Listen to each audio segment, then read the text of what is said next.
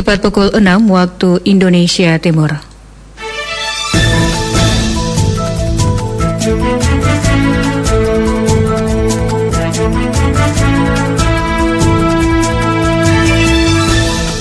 Radio Republik Indonesia Fak-Fak dengan suara redaksi.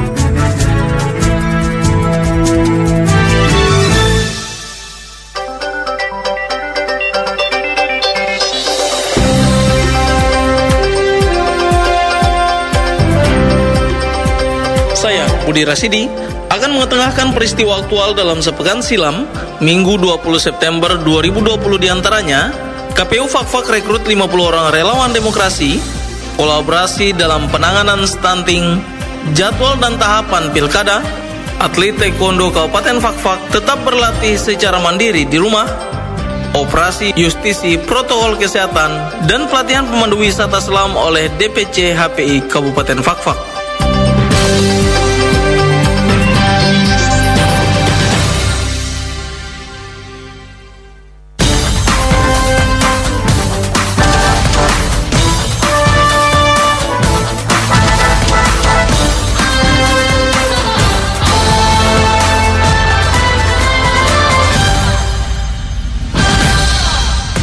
Saudara Komisi Pemilihan Umum KPU Kabupaten Fakfak saat ini mulai melakukan persiapan menuju penetapan pasangan calon bupati dan wakil bupati pada pemilihan kepala daerah 9 Desember 2020 mendatang. Komisioner KPU Fakfak Divisi Teknis Penyelenggara Pemilu Asadudin Retop dikonfirmasi terkait hal tersebut menjelaskan sesuai ketentuan PKPU nomor 5 tahun 2020 tentang program tahapan dan jadwal pemilihan tahun 2020, KPU Fakfak telah melaksanakan pemeriksaan kesehatan kepada dua bakal pasangan calon bupati dan wakil bupati Fakfak, pemeriksaan atau verifikasi berkas calon calon dan perbaikan berkas calon. Diungkapkan Reto pada 23 September mendatang, sesuai tahapan pelaksanaan pilkada, KPU Fakfak akan menetapkan calon bupati dilanjutkan dengan penarikan nomor urut pasangan calon. Ada tahapan yang akan kami lakukan yaitu masuk dengan perbaikan syarat calon.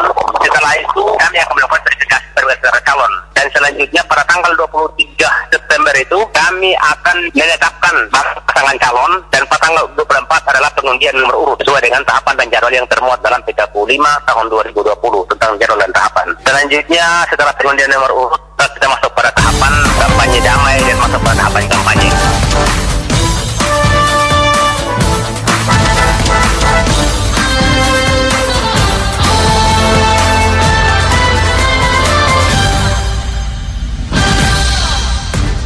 Kini sedang menghadapi perang melawan pandemi COVID-19.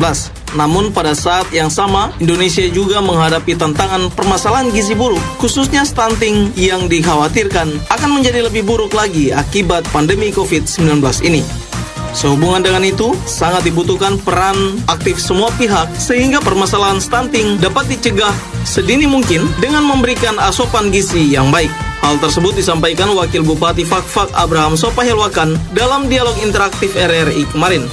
Dikatakan perlu adanya kolaborasi serta sinergitas yang baik dari semua pihak tidak hanya Dinas Kesehatan.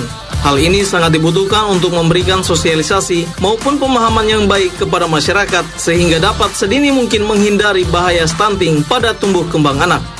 Kami berharap untuk mari kita bergandengan tangan bersama-sama di sisi kesehatan dengan orang tua sampai dengan kampung kita bergandengan tangan. Jadi ibu-ibu yang sudah ada embrio anak dalam kandungannya ya sudah harus melalui proses-proses rajin pergi timbang di puskesmas ya. Dan itulah efek-efek kesehatannya.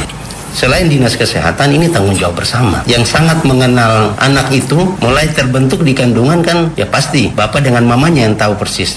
Paling tidak di SMA ataupun dalam organisasi-organisasi kemudahan itu ada sosialisasi lah. Jadi jangan ketemu sosialisasinya AIDS. Ya sebenarnya untuk mempersiapkan generasi muda kita yang sudah usia untuk membantu rumah tangga memang harus perlu disosialisasikan dari awal. Kalau seperti ini kan bukan hanya dinas kesehatan. Ya, jadi saya sangat berharap untuk instansi-instansi juga distrik, kampung, keluarga. Ya ini perlu punya pemahaman yang sama supaya oh stunting itu begini. Kalau secara teknis oleh dinas OPD, dinas instansi yang ini ya, ya dengan bidangnya.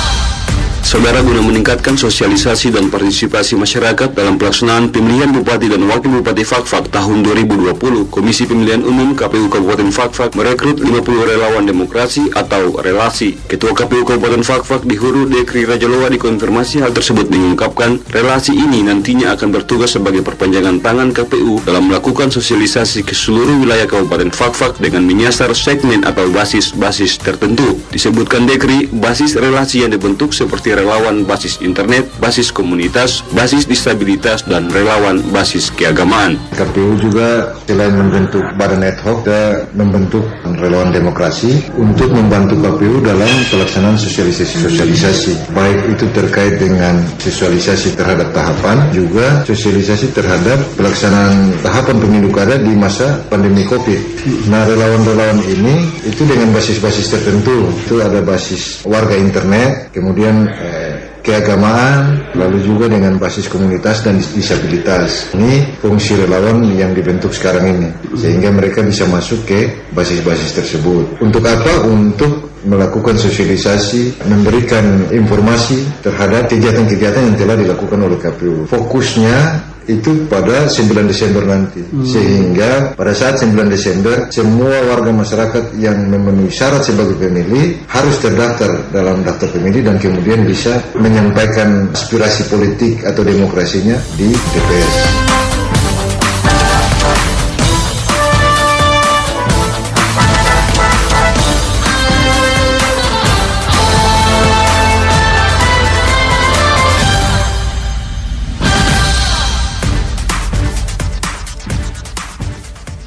Pandemi COVID-19 tak mempengaruhi para atlet taekwondo pencap Kabupaten Fakfak untuk terus melakukan latihan ringan.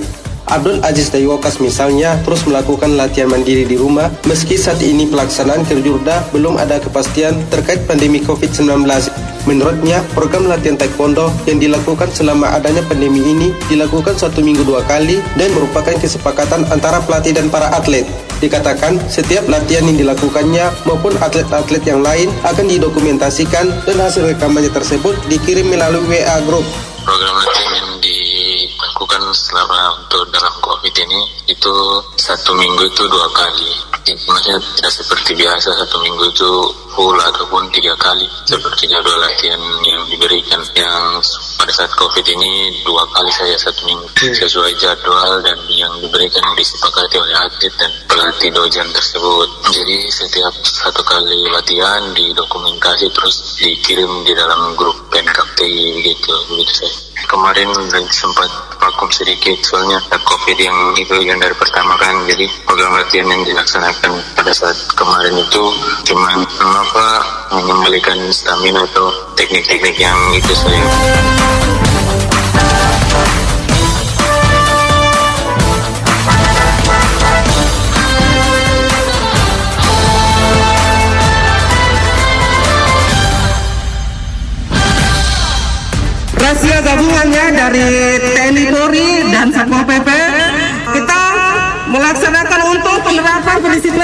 pendisiplinan menggunakan masker. Saudara tim gabungan personil Kodim 1803, Subden Pom Polres dan Satuan Polisi Pamung Praja Kabupaten Fakfak kemarin menggelar operasi justisi peningkatan disiplin protokol kesehatan masyarakat. Pantauan RRI tim gabungan dibagi menjadi dua, yakni kelompok penyemprotan disinfektan di beberapa tempat umum terutama pasar dan tim sosialisasi. Wakapolres Fakfak Komisaris Polisi Daniel Dumas Rampang dikonfirmasi awak media mengungkapkan operasi tersebut merupakan perintah Mabes Polri, kemudian diteruskan ke Polda dan ditindaklanjuti ke Polres masing-masing. Dan untuk hari pertama kemarin sambil menunggu terbitnya peraturan bupati, pihaknya hanya melakukan sosialisasi protokol kesehatan untuk mencegah penyebaran COVID-19, salah satunya wajib menggunakan masker. Jadi kita melaksanakan operasi justisi ini sesuai dengan perintah ya, yaitu perintah dari Mabes turun ke Polda, Polres kita laksanakan. Jadi kita laksanakan ini operasi ini kita gabungan ya, pertama dari TNI Angkatan Darat, POM TNI, Polres, Satpol PP dan ada juga dari gabungan dari masyarakat. Ah, jadi dalam hal ini kita melaksanakan itu ketertiban terkait dengan protokol kesehatan. Ah, jadi di lapangan kita melaksanakan operasi, kita melihat mana yang tidak pakai masker, kita sarankan disampaikan supaya mereka memakai masker eh, untuk keselamatan dan kesehatan kita semua. Jadi kita melaksanakan dalam hal ini ya saya lihat sifatnya sosialisasi dan kita lihat bersama ternyata masyarakat sudah 90 sekian persen yang memakai masker. Ya sebagian kecil saja yang tidak. Mudah-mudahan ke depan karena kita masih mau berlanjut, nanti kita harapkan semuanya akan memakai masker.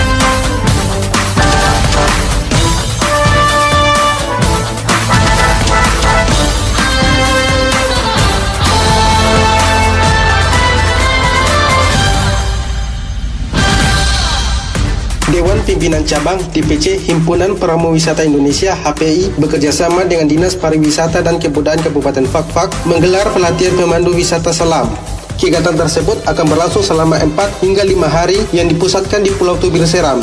Ketua DPC HPI Kabupaten Fakfak Prayogo Kusumo menjelaskan, kegiatan pelatihan ini difokuskan pada aktivitas penyelaman khususnya wisata, di mana para peserta akan dibekali dengan pengetahuan-pengetahuan lanjutan untuk menjadikan pemandu wisata yang nantinya memiliki pengetahuan pendampingan dalam hal penyelaman. Dikatakan jumlah peserta atau pemandu wisata yang mengikuti pelatihan selam sebanyak 40 peserta yang terbagi ke dalam tiga sesi, yakni sesi kelas, sesi perairan terbatas, dan sesi ujian laut.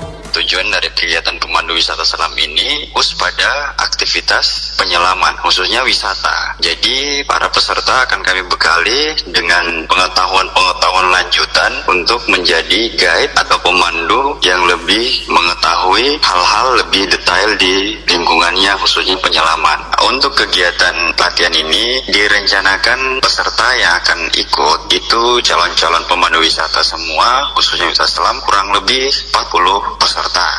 Untuk lokasi yang sudah kami rencanakan, di sini akan terbagi dalam tiga sesi. Sesi pertama itu sesi kelas atau materi kelas. Nah, sesi kedua itu sesi perairan terbatas atau kolam. Sesi ketiga itu sesi open water atau ujian lautnya. Ini untuk untuk kondisi open waternya berdasarkan hasil survei kami beberapa hari ini itu akan kami tempatkan di Tuber Seram. Sekian suara redaksi edisi kali ini. Atas nama seluruh kru yang bertugas mengucapkan terima kasih dan sampai jumpa.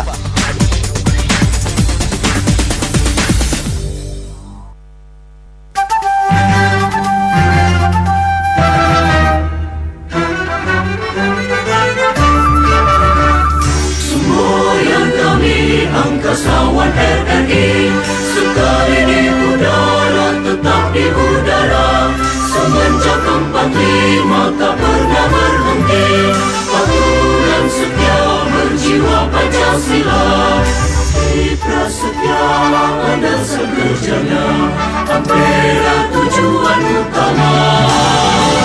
Penuh pengabdian pada revolusi Demi Tuhan demi pertiwi. Sekali di udara tetap di udara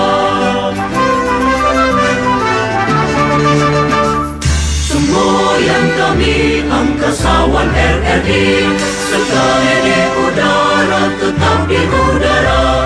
Semenjak 45 tak pernah berhenti. Satu yang setia berjiwa Pancasila. Kita setia landasan kerjanya Apela tujuan utama.